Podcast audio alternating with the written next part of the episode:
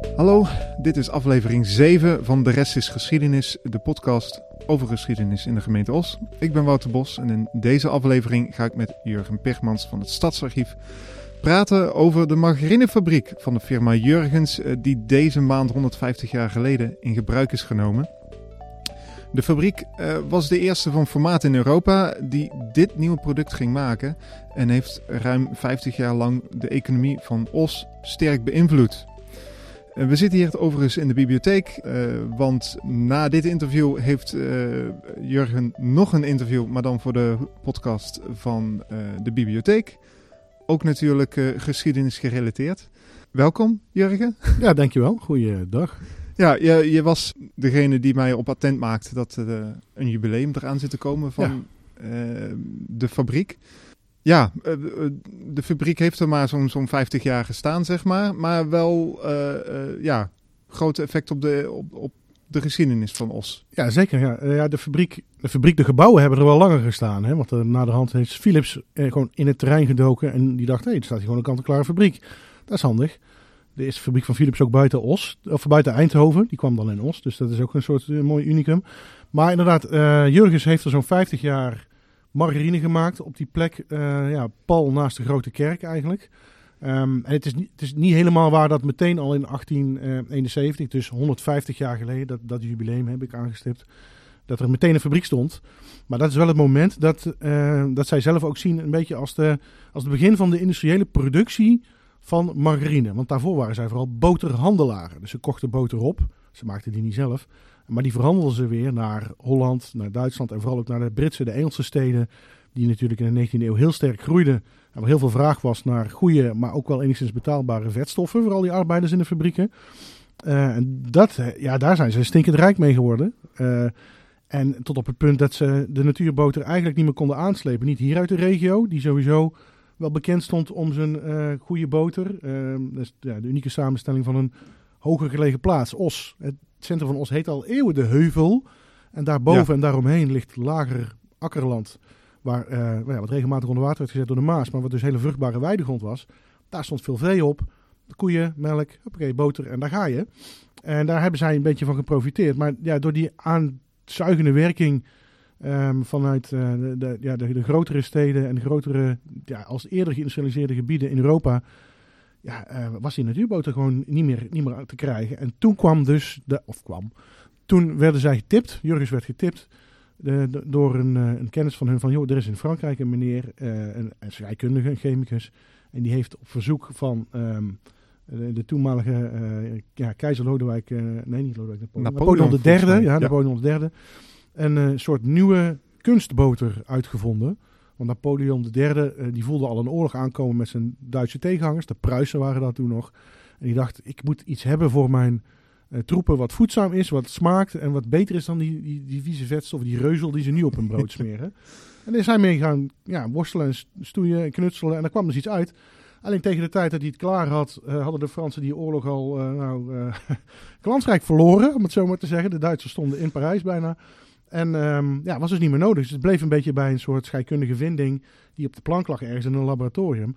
Maar voor de familie Jurgens was dat de uitkomst van, hé, hey, dan dat is het volgende stapje in onze bedrijfsontwikkeling. Want de natuurboter, ja, die handel houdt, bedoel, er is niet genoeg natuurboter meer.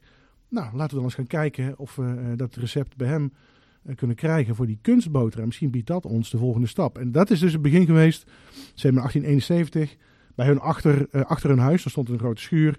Daar zijn ze uh, gaan beginnen eigenlijk met het maken van die, ja, wat later de margarine werd. Wat al margarine werd genoemd door, uh, door die Franse uitvinder, uh, Merge Mourier.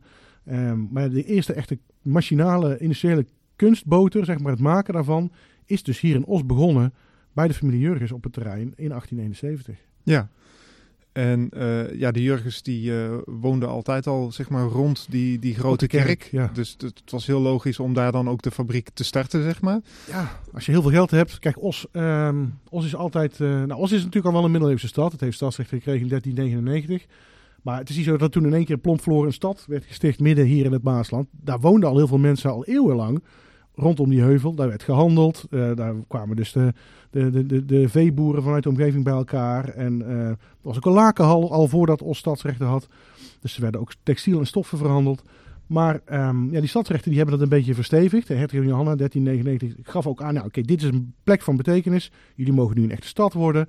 En dat, ja, daar, die bedrijvigheid is hier altijd al geweest. En die is op een gegeven moment een beetje gaan toespitsen op die boterhandel. En in de 18e eeuw, uh, halverwege de 18e eeuw, toen heeft het Osse stadsbestuur ook echt aan de, de het, Rijk, ja, de overheid in Den Haag, gevraagd: mogen wij hier dan ook een officiële boterwaag inrichten? Want nu zegt de een: dit is een kilo, en de ander zegt dat is een kilo, en die zegt het moet zoveel kosten, en die zegt het moet zoveel kosten. Wij moeten iets van een soort regulerings, reguleringsinstrument hebben. Nou, zo'n boterwaag was, dat, was daarvoor uitermate geschikt. Prima, zei Den Haag. Ga dat ding maar bouwen. We hebben er een soort blauwdrukken voor. Hier heb je een. Uh, ga maar aan de slag. En in 1768 is dat ding daar neergezet op de heuvel, midden op de heuvel. Echt een prachtig gebouw. Ja. Um, we hebben er. Ja, gelukkig hebben we er nog foto's van. Uh, want het is pas, ja, daar kom ik wel weer met de oude als uitspraak. Het is in 1921 gesloopt, helaas. Dus we hebben er nog wel beelden van. Het heeft er bijna 100, iets meer dan 150 jaar gestaan. Maar dat was een beetje het symbool van de Osse groei. Dat de bovenste etage was het stadhuis. De burgemeester en raadsleden zaten daar. En de onder, onderste deel was gewoon echt een waag. Daar kwamen handelaren vanuit de hele regio. En omdat Os dus die boterwaag kreeg, werd er ook gezegd... ja, in Berchem, en daar, daar, daar mag je dan dus ook geen boter meer verhandelen. Je moet naar Os, naar de heuvel.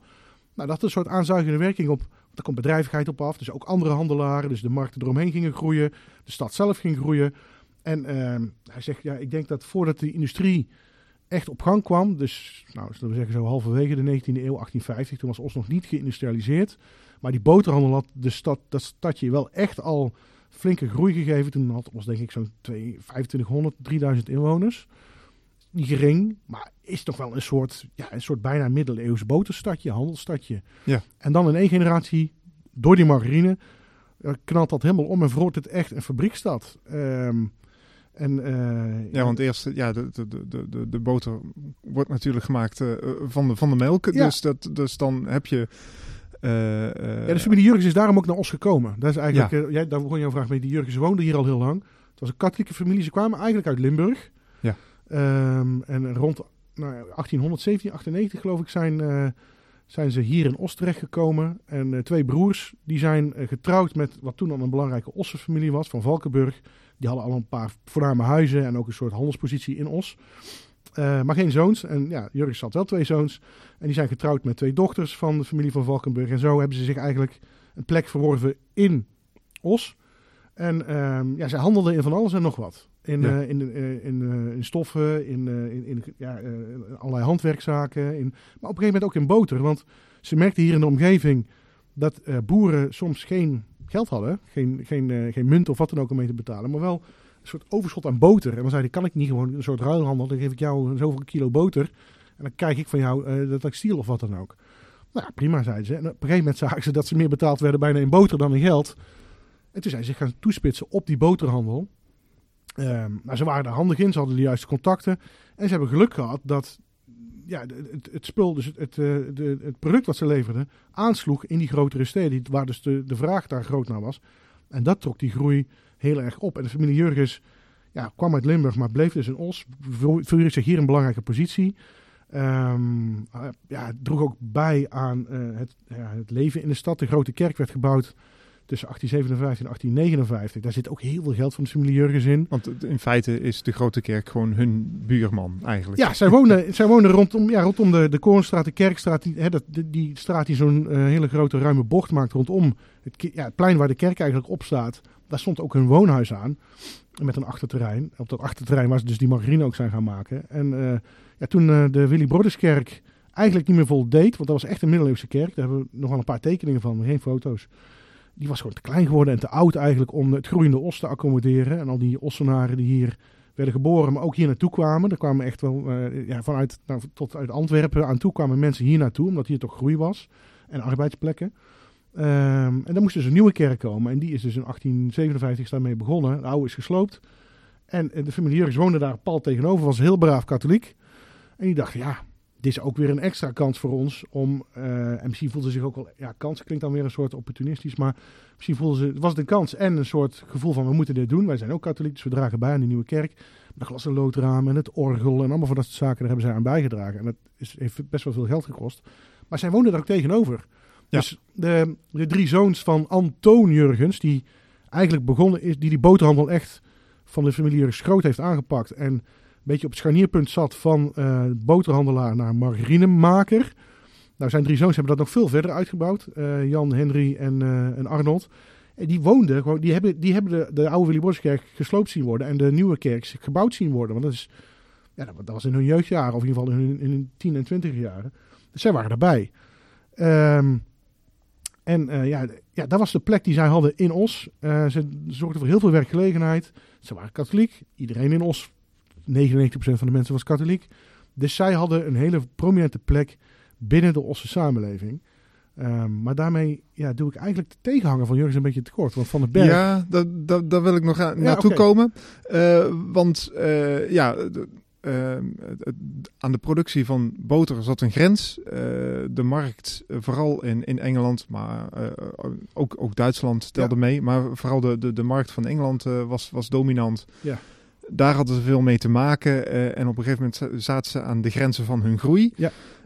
Um, daar was de margarine dus de oplossing voor, omdat dat boter is. De volgende stap. Voornamelijk plantaardige nou, basis. Niet. Oh. Nee, ja, dat is dus wel leuk. Er is een beetje gesteggel geweest over, ja, heeft de familie Jurgens dat uh, idee, dat recept, die uitvinding van die Franse chemicus Merge Mourier, hebben ze dat nou gestolen? Hebben ze gewoon goed opgelet? Hebben ze het overgeschreven? Hebben ze het ergens gelezen? Of hebben ze het echt gekocht? Um, nou, daar gaan verschillende verhalen de ronde over. Uh, hoe dan ook, ze zijn het wel gaan produceren. Twee zoons van Antoon Jurgens. En uh, uh, volgens mij Jan en Henry, dat waren degene die, de twee die op pad gingen, die de handelscontacten waren. Die zijn dus door Antoon naar Frankrijk gestuurd. Van, joh, ga eens bij, uh, de, bij die Fransman kijken. En die kwamen dus terug met, nou, dit, hier kunnen we wel iets mee. Alleen Hippolyte Merge dus de chemicus, die is gaan worstelen. Die is gaan kijken naar hoe wordt melk nou gemaakt. Een koe eet gras, die, daar, daar komt melk uit. En die melk kun je wel karnen en dan wordt het boter. Maar omdat die koe daartussenin zit, is hij een beetje in blijven hangen. Dus hij is begonnen met dierlijke vetstoffen, met die reuzel, ja. maar ook met melk.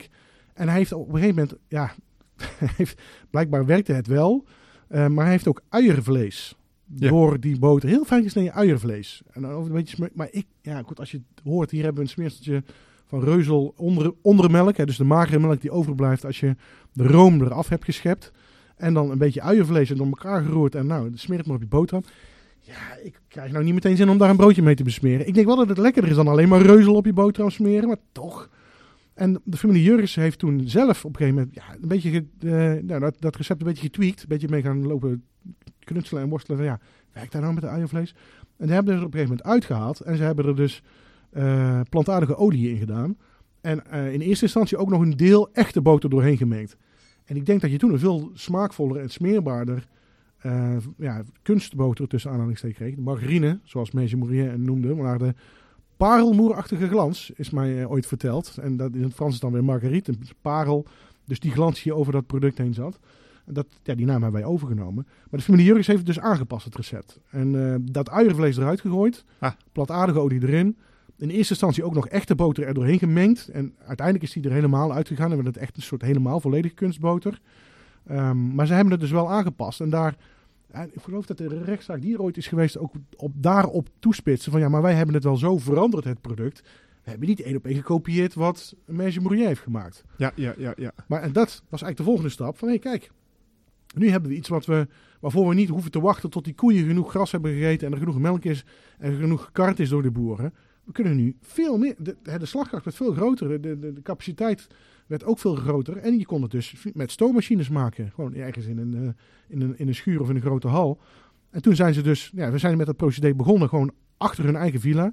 Die schuin tegenover de grote kerk stond. In de hoek een beetje van de Kerkstraat en de, de, de Koornstraat. Die daar in elkaar overgaan. Um, en er zit nog steeds zo'n rare knik in. Als je door de stad van Os loopt. De stad van Os. Als je door Os loopt.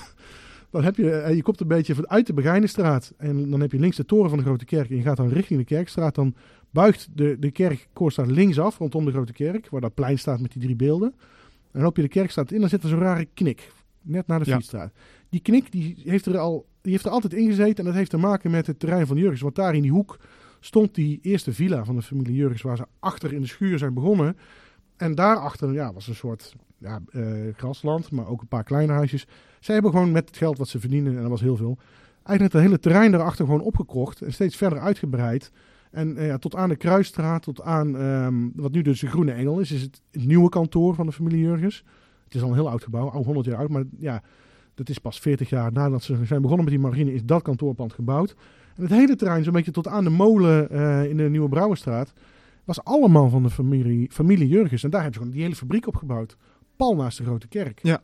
Maar ze waren uh, niet, niet alleen, zo, zoals je al, uh, al wilde nee. gaan zeggen. Uh, in Nederland was op dat moment, uh, en dan hebben we het over 1872, dat de fabriek is gemaakt. Ja, ja, ja, het startpunt zeg maar. Ja. ja. Um, toen werden patenten, octrooien werden nog niet uh, beschermd. Um, en um, ja, Jurgens kon het uh, ook niet heel lang geheim houden. Nee. en, en zeker niet omdat ze in zekere zin uh, een andere familie in Os van den Berg. Ja. Ik meen dat het Sam van den Berg was. die werd, was een beetje bekend als een fijnproever. Simon. Oh, Simon. Ja, zijn zoon, Simon. Sam en Simon is eigenlijk een beetje dezelfde naam. Zijn, een van zijn zoons noemde die ook Simon. En die noemde zich dan weer Sam om onder te scheiden van zijn vader. um, maar... Um, nee, een van de Jurgens is langsgekomen met ja. basically gewoon de margarine... Eigenlijk zo... Nee, nee, nee, nee, nee, dat was het een beetje. Want de familie van den Berg is eigenlijk op dezelfde manier begonnen als de familie Jurgens waren ook handelaren, uh, deden in textiel en stof en allerlei producten. En die kregen, werden dus ook betaald vaak in boter. Ze kwamen oorspronkelijk uit Geffen, ja, vlakbij Os. En die hadden een beetje op dezelfde, dezelfde werkwijze als de familie Jurgens. En die merkte, zeker Simon van den Berg, dus de, ja, de, ja, de aardvader klinkt raar, want hij heeft natuurlijk ook wat mensen nog voor zich gehad. Maar in ieder geval de, de man die vanuit de, de Van den Berg familie begonnen is met boterhandel en daarna de margarine-industrie. Die is vanuit Geffen getrokken naar Os, omdat in Os was meer bedrijvigheid. En hij was ook heel, hij was ook heel vroom, maar dan niet katholiek, maar joods. En Os was de grootste plaats in de omgeving, dus waar had je de synagoge? In Os. En die stond ook vrij dicht bij de grote kerk, dus de katholieke kerk van Os. Dus het was allemaal, ja, Os was wel een plek waar mensen naartoe gingen. Dus vanuit Geffen komt de familie van den Berg naar Os, gaat ook handelen, meer en meer in boter. En die bereiken op een gegeven moment datzelfde punt, hetzelfde probleem. Ja, die natuurboter is gewoon niet meer aan te slepen. En, dan, uh, en er was al een hele sterke concurrentie tussen Van den Berg en Jurgens. Want die, ja, ze, ze, hadden eigenlijk dezelfde positie. Contacten met het buitenland. Handelaars in boter uit deze regio en de grote gebieden daaromheen. Dus ook delen van Duitsland en Limburg, waar ook van die goede boter vandaan kwam. Uh, een heftige concurrentie eruit. En dan komt in één keer... Jurgens is dus naar Frankrijk geweest. Heeft iets ontdekt. Maar en ze, ja, ze konden het gewoon echt niet voor zich houden. Het, is echt, het staat in de familiegeschiedenis van de familie van den Berg. Het is opgetekend inderdaad door Sam. Uh, op een avond stond uh, Jan Jurgens, dus de oudste zoon van Antoon Jurgens, die stond bij ons aan de deur. En uh, mijn vader, de Simon, stond nogal bekend als een fijnproever. Die wist dan van, echt, wat is echt een goede boter en wat niet. En die had iets bij zich. Ja, en je zou zweren dat het gewoon boter was. Dus ja, proef maar eens. En Simon proefde, dus die had zoiets van, ja, oké, het is niet echte boter, kan ik wel merken. Maar het zit er toch wel uh, dichtbij, ja. ja. En dus Jan Jurgens had zoiets van, haha, hebben wij wel en jullie die. Maar ze liepen, en, en Simon van den Berg en zijn zoons hebben toen nog wel echt getwijfeld. Ja, moeten wij nou ook zoveel geld gaan steken in het uh, ontdekken van het recept en in uh, de fabriek en het bouwen van stoommachines en zo? Rendeert dat wel? Maar um, ze hebben het volgens mij even aangekeken, maar de familie Jurgens, ja, die, die, die inkomsten van hun schoten zo omhoog in een jaar tijd, die liepen er echt mee te pochen bij. Nou, van kijk eens, lalala. Ja. Dus ik dacht, dat gaan wij ook doen.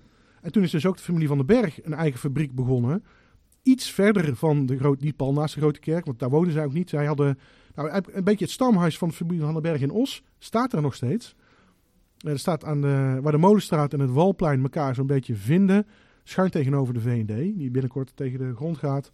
Um, daar zit nu een modezaak in. Flow of Wolf ah, mode. Ja, ja, ja, ja, ja. Dat is echt maar een mooi huis. Um, dat is het stamhuis van de familie van den Berg in Os. Ah, dat wist ik niet. Ja, dus Simon is vanuit Geffen hier naartoe getrokken. Had, verdiende dus toen ook al goed. Heeft dat gebouw laten neerzetten. Er zijn ook een aantal van zijn zoons geboren. Um, ietsje verderop, waar nu uh, uh, Alessandro de ijssalon in zit, dat was eigenlijk het kantoor van de familie Van den Berg, de firma van Van den Berg. En hun fabriek hadden ze gebouwd op de hoek van de Nieuwstraat en het Heese Pad. Staat er nu niet meer, is in 1888, 1988, dus nog ja, nou, 35 jaar geleden bijna, is dat gebouw gesloopt. Maar dat was echt een fabriekje ja, van, nou ja, van 1880 ongeveer, zo zeg maar, laatste kwart van de 19e eeuw. Kon je het gebouw ook wel zien. Het was een beetje bouwvallig tegen de tijd dat het gesloopt werd in 1988. Maar het stond er nog wel. En nu is daar een prachtige parkeerplaats te vinden. Die vrouw genoeg ook nog het Jurgensplein heet. oh, dat is wel ja. sneu. Ja. Dat is, nou, het is sowieso. Ja, het is echt een, ik vind het een troosteloos plein. Het spijt me zeer, maar als je daar op het Jurgensplein staat, dan denk je, hoe heb je dit toch ooit kunnen bedenken? Het is, ja, je ziet dus de supermarkt en je ziet wat, nou ja, het is treurig. Daar moeten we, ik vind sowieso dat we daar ons iets meer mee moeten kunnen doen. Maar daar stond dus eigenlijk de fabriek, de margarinefabriek van Van den Berg. Ehm, en daar is dus ook, ja, net zoals dus uh, Jurgens exponentiële groei beleefde toen ze van boterhandel overgingen naar margarineindustrie. Dat geldt ook voor Van den Berg. Die twee, die dreven elkaar omhoog. Die dreven dus, trokken dus ook Os mee.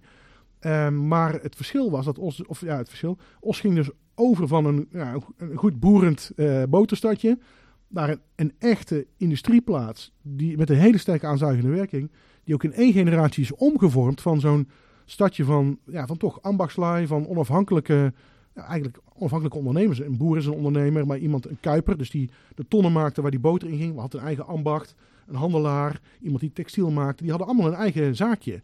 Ja. En dan werd in één keer, nee, je, werkt, je moet nou in de fabriek werken. We hebben één fabrieksbaas, dat is dan of de familie Jurgens of de familie Van den Berg. En een heleboel mensen die in dat proces meewerken aan één product. En al was het dan niet letterlijk een lopende band, het was wel uh, was een soort werk. Ja, je werd een radertje in een geheel. En je was niet meer jouw eigen baas, zeg maar. En, dat, in één generatie tijd is die omslag geweest. Want in 1852 uh, eh, exporteerde Os als stad uh, eh, 45.000 kilo boter.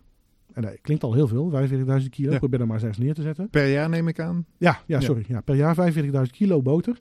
En, nog geen 20 jaar later, dus op, eh, zeg maar, nadat ze net begonnen zijn met die margarine en die slaat aan. Dus zitten we aan het begin van de jaren 70, 20 jaar later, 18, 1, 2, 73. Is dat gegroeid tot 4,5 miljoen kilo. Ja, dat is indrukwekkend. Dat is 50 keer zoveel. En, en voor een groot gedeelte uh, wederom naar Engeland. Uh, ja, die, ja, die steden groeiden ontzettend hard. Daar was de industrialisatie al veel eerder op gang gekomen. En uh, dat, dat, trok hier dus... Ja, eigenlijk begon dus hier daardoor ook die industrialisatie met die margarinefabrieken. Um, maar in één generatie tijd is dus zijn... Ja, dat klinkt heel zwaar wat ik nu ga zeggen. Hè. Er zijn die ambachtslui en die zelfstandige boeren en die boerenzonen die geen plek hadden.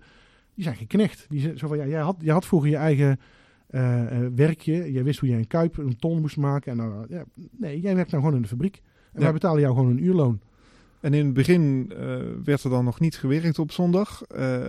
nee. Maar daar konden ze tegen, op een gegeven moment, of, of ja, op een gegeven moment, vrij snel konden ze kon Jurgens dat ook wel iets mee regelen, zeg maar? Ja, kijk, de, een 40-urige werkweek die we nu hebben, en daar gaan we nu zelfs, nou ja, wie heeft er eigenlijk nog een 40-urige werkweek? Bijna iedereen heeft, of 36 uur of 32 uur. En is ook, ja, zeker, dat denk ik ook wel goed in onze huidige samenleving. Maar vroeger was werk op zaterdag heel normaal. Kijk, zondag was dan vanuit katholieke oogpunt natuurlijk hè, de, oh, de Heilige Zondag. Dan gaan we naar de kerk, dan gaan we dat soort dingen niet doen.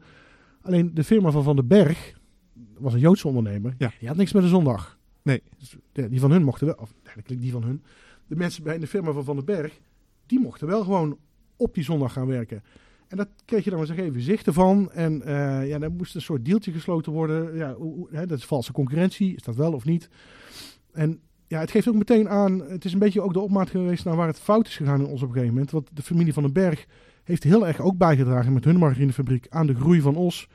Maar is altijd een beetje buiten de gevestigde orde gebleven, omdat zij Joods waren. En Os was katholiek. Door en door katholiek. De gemeenteraad alleen maar katholieke raadsleden. Familie Jurgens had twee uh, familieleden in de gemeenteraad zitten. Katholieke kerk middenin, nieuwe katholieke kerk. Dus katholiek, katholiek, katholiek. Ja, dan stond je als, als Joodse ondernemer eigenlijk een beetje buiten spel. En dat, dat, dat werd ook heel duidelijk bij uh, de overleg over de aanleg van een kanaal, wat hoog nodig was omdat daarvoor alles ging, uh, moest vervoerd worden met, met paard en wagen, zeg maar, naar, naar Lit, uh, of ja. toe. Bij het kanaal is het echt geklapt. Want um, kijk, Jurgen van den Berg zijn dus allebei naar Os gekomen, van buiten Os. Omdat die boterhandel ze hier naartoe trok. Zij zijn zo slim geweest om dat om te vormen tot een margarine-industrie die Os nog verder deed groeien. En uh, in 18, nou zeg rond 1880, niet helemaal, maar, maar, ze merkten van ja, die margarine, daar is zo'n vraag naar met paard en wagen. En zeker als de, de, de, de rivieren weer een keer buiten de oever stonden en de modderwegen, de wegen waren niet voor hard. Ja, je bent een dag kwijt voordat je je, spul vanuit de stad of zeg maar bij de Maas hebt. Daar, daar moeten we anders kunnen. En toen kwam dus, of ja, toen was er al eigenlijk al wel het idee dat er de spoorlijnen in Nederland sowieso wat later. In Engeland hadden ze al, al lang en breed spoorlijnen. Maar in Nederland werd toen gezien, oh, daar moeten we ook iets mee met die spoorlijnen. Maar het tra tracé, het traject zeg maar tussen Den Bosch en Nijmegen, daar ontbrak nog iets aan. Daar lagen geen rails. Dat is toch wel handig. En aanvankelijk was er een traject gepland van de Bos naar Nijmegen via Hees en Graven, de, Maas over. Nou, dat lukte niet, want het lukte alleen met particuliere investeerders. En uh, nou, dat, dat, dat, idee klapte. En toen hebben uh, Jurgen van den Berg de handen ineen geslagen. Dus even hun concurrentie opzij gezet en gedacht, ja, dit is voor de ontwikkeling van onze beide bedrijven heel belangrijk. Dat wij aansluiting krijgen op die spoorlijn. Dus ze hebben allebei geld gestoken in zo'n nieuwe spoorwegmaatschappij. De gemeente Os heeft ook nog een derde bijgevoegd. En toen zaten ze aan de knoppen. En toen konden ze zeggen, prima tussen Den Bosch en Nijmegen, maar dan moeten we een halte komen in Os. En dan via Ravenstein. Ja. Huppakee. Nou, allemaal gelukt. Um, het duurde wel eventjes voordat uh, de rails er lagen. Het station was al klaar ergens in de, jaren 70. En zeven jaar later reed pas de eerste trein weg in Os. Maar dat bracht hun dus heel veel voorspoed. Ze hadden ook een eigen aftakkingje vanaf het hoofdspoor, zeg maar, wat nog steeds ligt waar het nu ligt. Helemaal het centrum in, door de Molenstraat, midden naar de stad. Om hun goederen uh, met een soort ja, klein stoomlocomotiefje weer van en naar het hoofdstation te vervoeren. Um, maar die, en dat droeg nog meer weer bij aan de groei, want je was dus veel sneller in de grotere, bij de grote havenplaatsen zoals Rotterdam. Alleen vervoer over water via de Maas was ook, bleef een belangrijk iets.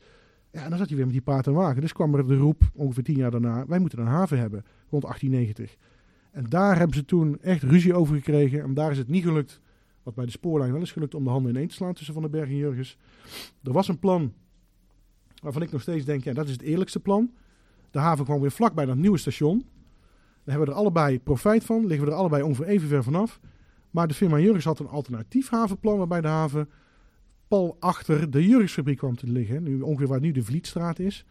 En daar zei Van Van den Berg, ja, daar ga ik, ik ga er niet mee betalen aan een haven die naast jullie fabriek ligt. Dan moet ik nog steeds weer vanuit mijn fabriek paard alles vervoeren naar dit. Dat ga ik dus niet doen, daar betaal ik niet aan mee. Nou, er werd over gestemd in de gemeenteraad. En er zaten twee leden van familie Jurgens in de gemeenteraad en de rest was allemaal katholiek. Dus dat plan van Jurgens kreeg voorrang. Ja. En toen zei de familie van den Berg, nou bekijk het maar, we zijn eigenlijk wel een beetje klaar met ons, met dat gedoe. En we worden hier niet serieus genomen. We gaan gewoon meteen naar Rotterdam en dan hoeven we die hele Maas over, kunnen we dan overslaan. En vanuit Rotterdam zijn we ook zo in Engeland. Ja, en dat is Oh, ik, ik, zei al dat de, de fabriek Jurgens, maar eigenlijk gewoon de hele margarine-industrie, die heeft uh, de economie van Os sterk beïnvloed. Ja. En, en dit is zeg maar de eerste uh, keer dat er dus een hele fabriek weggaat. En Mhm. ook meteen echt gevolgen had Ja.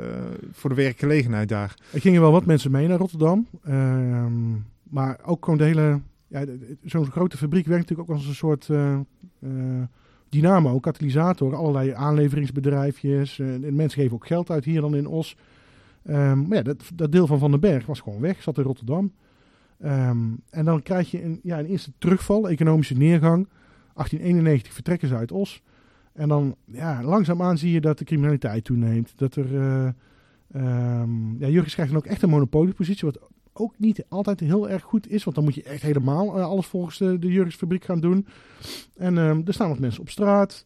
Eh, en langzaamaan zie je meer overvallen, meer berovingen, meer brandstichtingen, meer inbraken. Ja, en dan, dan komt er vanuit de landsoverheid toch een soort idee, we moeten eh, die even daar wat marechaussee op zetten in Os, want dat gaat fout. En die marechaussee werd bewust van buiten Os gehaald, zodat ze dus ook onafhankelijk konden opereren. Ehm, en eh, vooral eh, een van de wachtmeesters, wachtmeester Hoekman, ehm, ja, een, een, st- een strenge protestantse zeeuw. Dus had helemaal niks met de mensen, met de cultuur hier in deze regio. Die kwam hier gewoon om orde te, te brengen. En die hield er vrij rigoureuze eh, methodes op na. Ehm, nou, die eigenlijk vanuit de Ossenaren gezien aan een soort broodroof. Eh, als, jij, als hij het vermoeden had dat jij iets wist van een bepaalde overval of een, nou, een crimineel feit, maar je vertelde niks. Wat dan een beetje in de. Hè, nee, ik hou met mijn kakel op elkaar. Nou prima, dan krijg je van mij geen briefje van goed gedrag. En dan kun je dus ook niet aan de bak in de jurksfabrieken. En dan heb je dus geen geld en geen eten. Ja, dan krijg, je familie honger. Ja, daar, daar, daar werd hem niet in dank afgenomen. Eh, en de familie Jurgens trouwens ook niet, dat ze dus op die manier met hem samenspannen. En de kerk ook niet, die, die zei van ja, nee, dat mag hij wel doen. Dus eh, de, de en zeker die Hoekman werd dan een beetje het, het mikpunt daarvan. Die kwamen vanuit bepaalde elementen in onze samenleving in een kwaad daglicht te staan. En dat is er is zover gekomen dat ze Hoekman op, eh op Palmzondag 1893 op de heuvel, toen hij vanaf het stadhuis, wat toen dus nog op de heuvel stond, eh, richting ehm, de marechaussee-kazerne, die ja, stond waar nu de, de hoek om bij de Hooghuisstraat, de, de kazernestraat, daar dat stukje, daar stond de oude marechaussee-kazerne. Nu, nu staat daar dat lelijke pand van de Bristol, Ja. naast Café Kaatje. Eh, daar was de marechaussee-kazerne. Hij liep eigenlijk van zijn eh, verslag uitbrengen bij de burgemeester naar zijn plaats waar zijn kameraden eh, de, de kazerne zaten. Daar werd hij doodgeschoten, onder vuur genomen, vanuit de Eikenboomgaard. Door ja, de bende van Lossen, hè, zo stond het dan, bekend. Een aantal ja, wat criminelere lieden rondom. ehm, Veel kuipers ook, hè? Ja, ja, ja, ja de, de, de, achternaam van de, de bendeleider, hè, de bron was zijn bijnaam, was van Berkom in het echt. Maar in de film De Bende van Os hebben ze de, de, de, de bendeleider hebben ze ook uh, de Kuiper genoemd. Ja, maar dus, ze waren ook ze waren veel Kuipers, ja, Kuipers dus dat- van Ik vind dat in de film Ja, een ja, leuke knipoog naar... Oh ja, er waren van die zelfstandige ambachtslui die in één keer in een jurksfabriek moesten werken. En voorheen ja, gewoon hun eigen geld kon, hun eigen prijs konden vragen voor de tonnen die ze maakten. En nu geknecht werden. Dus daar zit dat element in van... In één keer, hoezo moet ik me laten knechten? Ik ben toch een eigen onafhankelijke eh, man. En er zit een element in van... eh, ja, moet je dan... Ja, goed, het is gewoon ook wel crimineel. Moet je iemand doodschieten omdat hij jou eh, achter de hielen zit? Nou, dat gaat Ja. natuurlijk te ver. En dat, ja, het doodschieten van een wachtmeester, nou, nou, dat was landelijke ophef. En hoe kan dat nou daar in Os? Er is toen ook nog veel meer marechaussee opgezet. En wat het nog veel erger maakt is, eh, Hoekman is begraven op de Eikenboomgaard. Daar was toen nog een protestants deel, nu niet meer, maar het was een apart protestants hoekje. En ongeveer twee weken na de begrafenis is zijn graf geschonden. Dus de kist is opgegraven, de, de, kist is de, de, de krans is besmeurd met poep. En eh, het verhaal ging zelfs dat, ehm, nou, dat, de, dat de, de grafschenders dan betrapt zouden zijn. Dat ze eigenlijk voornemens waren om het lijk van Hoekman in drie stukken te hakken. En Oh, dan God. één, ja, ja het, het is fris. En dan één deel eh, neer te leggen eh, ja, bij de Marseillais-kazerne. Want de daar, die waren in hun ogen dan de, de, de, de kwade geniussen achter die broodroof. Maar ook één deel bij de firma Jurgens op de stoep, bij het hoofdkantoor. Want ja, die spannen samen. En bij de vertegenwoordiger van de geestelijke overheid, dus bij de katholieke kerk. Bij de Ja. pastorie daar. Want de bevolking zat, zat, zat vaak een be- beetje ertussenin. Dat, dat merk je ook wel bijvoorbeeld bij de, de, de eh, vrouw van een van de verdachten. Ja. Die in Nederland is gebleven. Maar eh, eh, ja, eigenlijk van de burgemeester eigenlijk niet... niet eh, ja, die deed heel moeilijk over... eh, ja, een uitkering was het niet, maar in ieder geval zoiets, zeg maar. Ja. Want ze zat met allemaal kinderen en, Ja. en, en de man die was vertrokken. Ja. Maar ja, ze kon eigenlijk pas ja, op steun rekenen op het moment dat ze een, een belastende verklaring zou afleggen. Dat, Ja. dat, dat soort dingen, zeg maar. Zo zit je dan klem, zeg maar. Ja, precies. En je kunt ook geen kant op. Ehm, en ehm, ja, kijk, of dat. dat, dat ehm, ja, Os is dus in één generatie tijd van eh boterstadje met een onafhankelijke handelslui en ambachtslieden gegroeid naar een industriestad met een aantal fabrikanten, een aantal eh, overheidsfiguren en, en geestelijken die ja, de touwtjes in handen hadden. En daartussenin had je niet veel. Daaronder had je een, gewoon een grote ja, arbeidersbevolking. Ja. Die vaak niet geschoold was. Die niet georganiseerd was. Want ja, het georganiseerde arbeid en vakbonden. En we zitten hier in 1880, 1890. Ja, dat was er gewoon nog niet op dat moment. En zeker niet in zo'n stadje wat in, wat in één generatie tijd, hoepakee, helemaal omgevormd wordt. Dus je bent een beetje overgeleverd aan... Ja, grillen wil ik niet zeggen, maar je bent overgeleverd aan de wensen en de, en en de manier waarop de fabrikanten eh, en de, de kerk en de vertegenwoordigers van de, de lokale overheid de boel hier regelen. Ehm, En op een gegeven moment was het ook eh, eh, de, de fabrikanten zelf, eh, in, in, in ieder geval Van den Berg en, en Jurgens, waren Mhm. ook niet meer zo heel erg gebonden aan de stad Os. Omdat Hey. ze eh, op, op een gegeven moment overal fabrieken hadden in, in, in Ja, ik- ik België, leef- in Duitsland. in, in, eh, ik bedoel, Duitsland was nog niet zo eenvormig als het nu is. Hè. Die had nog wel verschillende. Pruisen was de hoofdmoot wel van wat later Duitsland zou worden. Maar er waren allerlei verschillende regelingetjes. En vooral in de verschillende Duitse gebieden was de afspraak dat. Ehm, eh, ja, deed een beetje. eh, hoe heet het was een beetje niet. Ze hadden het daar niet zo op importeren. Dus wilde jij daar ook jouw producten aan de man brengen, dan had je eigenlijk daar ter plekke fabrieken nodig. In Kleef bijvoorbeeld heeft Jurgens en Van den Berg hebben daar ook grote fabrieken neergezet om dus rechtstreeks in Duitsland te kunnen produceren. Ja. Ehm, en ook die handel met Engeland trok ontzettend aan. Ehm, en ja, waar, ja, Os, kijk, die, dat, die spoorlijn heeft de fabrieken nog wel wat langer in Os gehouden. Bij die haven die er dus niet kwam, die al wel gewenst werd in 1890, maar die kwam er toen dus niet. Ja, dat heeft Van den Berg uit Os weggedreven. En Jurgens is nog wel gebleven, want die dacht, hé, hey, mooi, hebben wij het hier voor het zeggen. En we hebben hier nog steeds een hele grote arbeidende bevolking. En we kunnen met die spoorlijn, eh, komen we echt nog wel een eindje vooruit. Ehm, en we krijgen hier ook, ja, de, de, de, de- iedereen werkt wel met ons mee, want we zorgen voor zoveel arbeids, of voor zoveel economische groei, dat ze ons echt geen strobreed in de weg gaan leggen. Maar als we inmiddels zeg maar, een generatie weer verder zijn, nou misschien anderhalve generatie, dus we zijn bij de kleinzoons aanbeland, niet meer bij Antoon, Jurgens en Simon van den Berg, maar we zitten dan ondertussen bij Anton Jurgens, de kleinzoon van Antoon. En eh, ook de, de Van den Berg is weer een generatie verder. Dan wordt de strijdbel, die heftige concurrentie die er in Os was, eigenlijk wel een beetje begraven. Ja, het begon in Duitsland al dat ze een... een Samenwerkingen of ja... Ja, een, een, een winstpool hadden. dus, dus als de ene wat meer winst maakte dan de ander, dan, ja, dan, dan schoven ze wat naar elkaar toe, Om in ieder geval zeg maar, die, al die fluctuaties in, in de markt zeg maar, een beetje ja. de baas te blijven. Het is eigenlijk een beetje stiekem een opmaat naar een fusie, hè? Ja, ja. Het is nog niet officieel uitgesproken, maar als je zo elkaar dan... En dat komt toen ook wel. Snap je? De, die animositeit die er in 1850, 1870 was... en ook 1890 met, met het havenplan... wat eigenlijk vanuit de familie Jurgens gedacht natuurlijk heel kinderachtig is. Als je het beste voor hebt met de stad waar je in woont... dan zie je in, net als met, die, uh, met het station en die spoorlijn... dat een haven essentieel is. Ja. Maar dan denk je, nou, wij hebben de touwtjes hier zo in handen...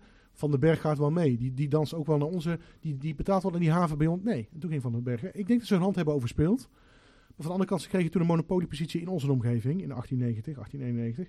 Maar voor de stad Os was het natuurlijk veel beter geweest als er toen die haven hier was gebleven, was gekomen. Want dan was Van den Berg gebleven. Was hij niet toen al naar Rotterdam gegaan. Maar goed, bij de kleinzoons is dat die animositeit, die vijandigheid, die concurrentie weg.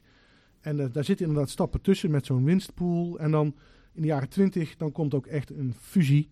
Dan fuseren Van den Berg en Jurgens definitief. Er wordt een margarine-unie. Ook, ook, ook weer door, door noodzaak, want na de Eerste Wereldoorlog uh, leek het even allemaal beter te gaan. Waren er allemaal initiatieven. Ook vanuit uh, Van den Berg en van mhm. Jurgens. De, ze zaten op een gegeven moment ook echt zo ongeveer overal in de wereld. Ze zaten in Afrika, in Indonesië, in, in Amerika. Um, en um, toen ging het toch niet zo goed als het leek. En, en, en, en, eigenlijk begin jaren twintig is, is voor hun de markt zeg maar weer, weer ingestort. Mm um, en, en waren ze uh, wederom zeg maar genoodzaakt om te gaan samenwerken. elkaar overgeleverd, ja.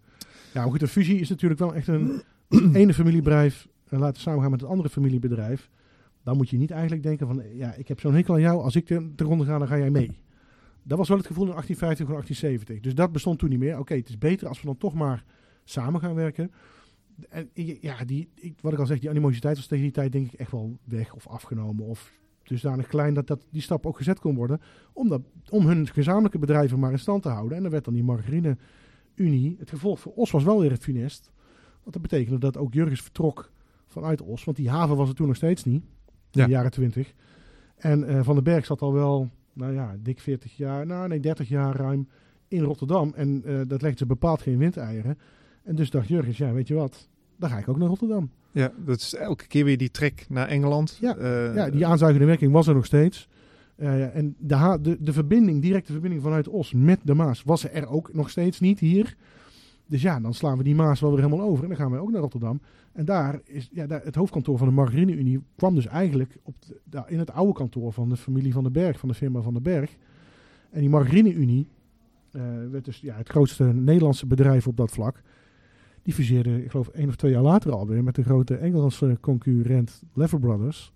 En de margarine Unie met de Lever of Lever Brothers werd Unilever. Nou, waar staat het hoofd? Ja, nu niet meer, hè? Het is net ja. pas geleverd veranderd. Maar waar heeft daarna nog decennia lang, bijna een eeuw lang, het hoofdkantoor van Unilever gestaan? In Rotterdam. Op die plek waar de familie van den Berg in 1891 gewoon begonnen is vanuit Os. En ja, ik vind kijk, het leuke aan uh, het, weten van de, het kennen van de geschiedenis is dat je ook uh, parallele lijntjes kunt bedenken en een soort what-if history kunt doen. Ja, ik ben ervan overtuigd dat als um, Jurgens iets minder kleinzielig of iets, iets ruimhartig of iets meer van, oh ja, wat is van belang voor Os als stad en als gemeenschap had gedaan in 1890. Eh, dus dan was die haven hier wel gekomen. Hadden ze het geld samen bij elkaar gelegd. Was Van den Berg niet weggegaan. En dan, ik denk dan dus dat je hier eenzelfde ontwikkeling zou hebben gehad als met Philips in Eindhoven. Philips is heel lang in Eindhoven gebleven. En uit het natuurkundig laboratorium wat Philips had, omdat ze natuurlijk al die nieuwe producten wilden ontwikkelen, daar is uiteindelijk een technische universiteit uit ontstaan. En zelfs nu het hoofdkantoor van Philips niet meer in Eindhoven staat, staat ook in Amsterdam. Uh, is Eindhoven doorgegroeid op basis van al die kennis en, kennis en kunde uit die, uh, dat technische laboratorium. Ja, wij hebben hier wel de farmaceutische industrie die in twee trappen eigenlijk ook uh, voortgekomen is uit het feit dat de marine-industrie het station hier naartoe heeft gehaald. Want daardoor kwam hier vleesverwerkende industrie, die hadden dat spoor ook nodig. Uit die vleesverwerkende industrie kwam weer uh, Savel Zwanenberg die zei, hey, waarom doen we niks met al die organen en die klieren die we weggooien, kunnen we daar geen stofjes uit winnen? Dat is de farmaceutische industrie die nu nog steeds in Os zit. Maar als die marineproducenten hier waren gebleven, omdat de haven hier was, was die groei, die exponentiële groei die dus nu in Rotterdam plaatsvond, ook hier gebleven. Had, je een tweede Eindhoven gehad Ja, eh, ja alleen nog gestoeld op ehm, ja, meer ehm, nou, ja, zeg maar, hoger laboratoriumonderwijs had je dan waarschijnlijk wel in Os gehad. Ehm, want dan was die haven was hier. Dus de, de noodzaak om te vertrekken naar Rotterdam was er dan niet geweest. Ja. En dan in 1927, eind jaren 20, de noodzaak voor Jurgens om te vertrekken uit Os was er dan ook niet geweest. Want dan had de fusie hier plaatsgevonden. Dat is allemaal wat if. Maar ja, Ja, ja, ja. ja. toen, dat gaf wel weer een flinke knauw aan de werkgelegenheid in Os. En dan krijg je weer zo'n Je hebt ook de wereldcrisis van 1929, komt daar nog eens overheen. En Os krijgt weer zijn tweede criminele periode. Als de fabrieken eh, van eh, Jurgens Weggaan. verdwijnen. Ja. Ja, die hebben gelukkig En- niet en- heel lang leeg gestaan. Nee. Jur- Jurgens zelf was overigens zelf al wat, wat sneller losgeweekt van eh, Os. Want die is naar Nijmegen Ja. verhuisd. Dat was al in de 19e eeuw zo. Hè. Os Ja. was natuurlijk, bleef... ja, was al een bakermat. Hè. Ja, ik heb hier ook een reclame, of een reclamefolder, een uitgave liggen uit 1910. Eh, de gemaakt door de familie de bakermat van de margarine-industrie, gaat over Os. En hoe zij hier begonnen zijn met ja, bewerkte foto's, tekeningen uit hun bedrijf in Os. En ook in Kleef en zo. Ehm, en eh, de bakermat van de margarine-industrie was vanuit hun ook wel echt gezien Os. Alleen zij verdienen zo ontzettend veel geld, familie van den Berg ook. Dat zij ontgroeide Os gewoon. Os kon eigenlijk ook met hun financiële slagkracht niet mee. Ehm, en dan gingen ze naar ja, andere grotere plaatsen. Zoals nou, Nijmegen was natuurlijk toch al een verruimere plaats. Daar hebben ze ook landhuis. Nou, bijvoorbeeld dan nu de universiteit, hè, Heijendaal. Dat hele terrein heet daar Heijendaal. Ja. Landgoed Heijendaal is ook van een van de Jurgensen. Geen eens Antoon of Jan of Hendry, maar gewoon weer een neef. Die daarna weer kwam en ontzettend veel geld had. Eh, en woonhuizen. De familie Jurgens heeft ook in, in, in Nijmegen ontzettend veel huizen laten bouwen. Dus de, de familie was eigenlijk ons al wel een beetje ontgroeid. Ja, ik, ik had ook ergens gelezen dat op een gegeven moment in, in de jaren twintig eh, iemand eh, ging werken in, in de fabrieken van Jurgens. Eh, in wat hogere functie. En dat hij al zei van, nou ja, ik kan zelf niet aanbevelen om in Oost te gaan wonen. Maar als je het echt wil, dan kan ik nog wel wat aanbevelen. Ja. Maar Ja. dat niveau. Ja, dat is een beetje het verhaal wat Os ook al achtervolgt. Hè. Wat moet je daar nou doen? Ja. Maar eh, wat ik niet helemaal terecht vind, maar toch. Ehm, kijk, ze hebben hier wel de sporen ook wel nagelaten. Want die grote villa's aan de Molenstraat. eh, de grootste is dan de plek waar nu Museum Jan Kuhne in zit. Dat zijn eigenlijk, Museum Jan Kuhne is gebouwd, als een, is gebouwd met margarinegeld. Ja. Dan niet door de familie Jurgens, maar door Arnold van den Berg. Een van de zoons van Simon van den Berg. Die dus zoveel geld had en dacht, hé, hey, ik zet hier dit prachtige, gigantische huis neer. En je kunt het ook een beetje, ieder huis wordt ook steeds groter. Als je vanaf de Grote Kerk de Molenstraat inloopt, dan heb je op de hoek van de boodschap, denk je, ja, dat is wel een aardig optrekje. Eh, ik kan het niet betalen hoor, het staat geloof ik te koop. Dan daarnaast nog eentje groter, dan weer ietsje groter. Dan, ah, dan was dan om en om een beetje Jurgens van den Berg, Jurgens van den Berg. En Arnold van den Berg zet dat gigantisch, het is bijna een soort stadspaleis, daar neer met een tuin eromheen. Nu loopt daar de Raadhuislaan dwars doorheen, die was er vroeger ook niet, was allemaal tuin. Ehm, De en- overtreffende trap, zeg Ja. maar. Van, eh, ja, ik, ik heb 1888 gewonnen. is het klaar. Hartstikke. Oh, en dat geeft wel aan. Dat geeft voor het, aangezicht van Os is dat wel. Nou, als je vanaf dan het station door de Molenstraat naar de stad liep en je kwam niet hier vandaan, dan dacht je zo, hier zit wel geld. Ja. 1888 is dat huis klaar en eh, nou, drie jaar later vertrekt de hele familie van den Berg. Eh, dus zo, ze konden het ook nalaten. Gewoon, ja, laat maar, laat maar hier de huis. Ik denk niet dat hij met winst heeft verkocht. Hij heeft het notabene verkocht aan zijn grote concurrent Arnold Jurgens. Die ook de naam liet overschilderen. Villa eh Constance heette het, naar een dochter van Van den Berg. En Arnold Jurgens noemde het naar zijn vrouw, Villa Johanna. Eh, die kocht daar gewoon over. Nou, dan ga ik hier wel wonen. Dus die had ook bakken met geld. Zo, rijk waren die mensen. En, maar toen hadden ze ook al villa's op een gegeven moment in Nijmegen. En ja, op een gegeven moment kwam er ook, vertrokken ze naar Engeland, naar, eh, naar, eh, naar Londen en die omgeving. Want ze kregen natuurlijk ook contacten met goederen, met de goede burgerij, met, met, met familie die geld hadden in Engeland, handelaren. Dus ze, ja, ze ontgroeiden financieel en, en, en sociaal Os gewoon. En Os bleef wel hun bakermat. En hier stond ook die fabriek en hier was een grote arbeidende bevolking. Maar ja, eind jaren twintig hadden ze er toch niet zoveel moeite mee. Eh, toen onder leiding van Anton Jurgens. Die ook wel veel heeft betekend voor, voor Os en de ontwikkeling van Os. Maar die woonde zelf ook in Engeland. Snap je? Die was ook al losgezongen van, van Os, van Nijmegen, van Nederland. Heel veel, zel- zelfs voor de Unilever, eh Unilever bedrijf was het al, eh, zag je het Engels al heel snel eh, eh, in de communicatie kruipen Ja. in een bedrijf. Ja. Ja, een van de, de dochters van Jan Jurgens. En die Jan had echt, was wel echt verbonden nog aan Os. Ehm, die heeft ook het woonhuis waar hij en zijn vrouw Josina in wonen, Villa Josina, nagelaten aan de Paters Karmelieten. Daar is TBL uit ontstaan, daar is de bibliotheek. Ook het, de eerste leeszaal is in Villa Josina begonnen. De bloemenzaak Josina, die nog steeds bestaat, is ook daar ooit begonnen. Dus ontleent zijn naam aan die Josina. Dus zij waren nog echt betrokken op Os. Maar twee, een van hun dochters is getrouwd met een uh, voorname Engelse koopman. En die, uh, die, die, hebben, ja, de andere, de zus van, van Antoinette geloof ik, die heeft haar ooit een, een fotoalbum gegeven eind jaar uit 1892. Met allemaal foto's daarin van de plekken waar ze kwamen. Innsbruck, Londen, echt heel Europa. Foto's, hè, dus prentenbriefkaarten, wat hartstikke duur was in die tijd. En in een album. En ertussenin zitten dan een paar ja, soort snapshots die gemaakt zijn door de Nijmeegse fotograaf Willem Ives. Op hun verzoek, die is dus naar Os gekomen met zijn camera. Joh, leg nou eens vast de plaats waar wij vandaan komen. Ja. Die foto's zijn heel waardevol voor ons, want ze laten, zijn een beetje de oudste foto's die we hebben van het straatbeeld van Os. Um, maar de, het opschrift in dat boekje, dus van de ene zus aan de andere zus, hier in Os geboren, is in het Engels. Ah. Omdat zij dus ook een Engelstalige man had. En ze waren gewoon volledig ja, Os geïnternationaliseerd. Ja, geïnternationaliseerd. Ja. En um, ja, net zoals Unilever is echt al dus het begin van een multinational. Maar het is wel ontstaan uit twee Osse ondernemingen. Als die, ja, als die hier waren gebleven, had dat zo'n raar andere, andere groei voor Os. Had je echt een soort tegenhanger gehad in Noordoost-Brabant. Van wat je in Zuidoost-Brabant aan ontwikkeling hebt gezien vanuit Philips. Ja. Dat is wel een mooie verbinding, want Philips dook dus in die fabriek die Jurgens achterliet. Die vertrok gewoon, de panden bleven hier staan, de villa's bleven hier staan. En een groot deel van de, de, de arbeiders bleven hier ook. En voor Philips, Philips was dat ideaal, die wilde uitbreiden. En ik dacht, ja, daar staat een soort kant-en-klaar fabriekspakketje, duik er maar in. En dat dus heeft er toen nog bijna 50 jaar lang op dat oude fabrieksterrein, dus tussen de Groene Engel, de Molen en de Grote Kerk, was één groot fabrieksterrein. Met van die bakstenen, schoorstenen en zo. Heeft Philips nog ingezeten tot eind jaren 70. Ja, uh, en, en, en daarna, dat is laatst nog in het nieuws gekomen, zeg maar, de, de, de, de milieuverontreiniging die daarvan is gekomen. Ja, toen dat trein werd afgebroken in 1980, toen ontdekten ze pas wat ja, 100 jaar industrie op die plek allemaal had betekend. Want er werd gewoon in putjes geloosd. En een deel van de oude stadsgracht liep ook over het terrein van uh, de firma Jurgens, die is over kluis geraakt, werd allemaal gedumpt. Ja. Dus ja, we hebben, ze hebben daar meters moeten afgraven om, om het weer een beetje leefbaar te maken daar. Ja. En dat is ja, weet je, Os heeft zichzelf daarna een aantal keer opnieuw moeten uitvinden. Uh, en omdat die vleeswerkende industrie hier wel bleef, die gingen weer groeien. Daar kwam die farmaceutische industrie uit voort. Dat bleek weer een hele nieuwe uh, en, en innovatieve winstgevende tak. En het feit dat we nu hier al die vaccins hebben opgeslagen, dat komt allemaal voort uit het feit dat die margarinemannen ooit een station hier naartoe hebben gehaald. Ja. Dus je moet jezelf telkens opnieuw blijven uitvinden. We moeten wel voortbouwen op, op de basis die er is gelegd, maar we zullen toch dus verder moeten gaan zonder de margarine. Ja, ja, ja, ja, precies. En Unilever heeft een paar jaar geleden ook zelf besloten, wij gaan onze margarinelijn verkopen. Vind ik ook, ja, ik snap het wel vanuit de bedrijfsontwikkeling van de multinational, maar dat is wel, daar is wel het bedrijf ooit geboren, uit die margarine. En die wordt nu ook daar niet meer gemaakt. Dus het is volledig losgezongen van waar het ooit begonnen is. Maar als stad uh, en als omgeving uh, zijn er telkens wel weer nieuwe kansen. En dat zie je, nou, nu is het vooral de farmaceutische industrie.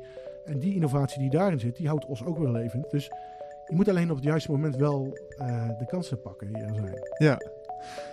Dankjewel. Graag We gaan naar het volgende interview.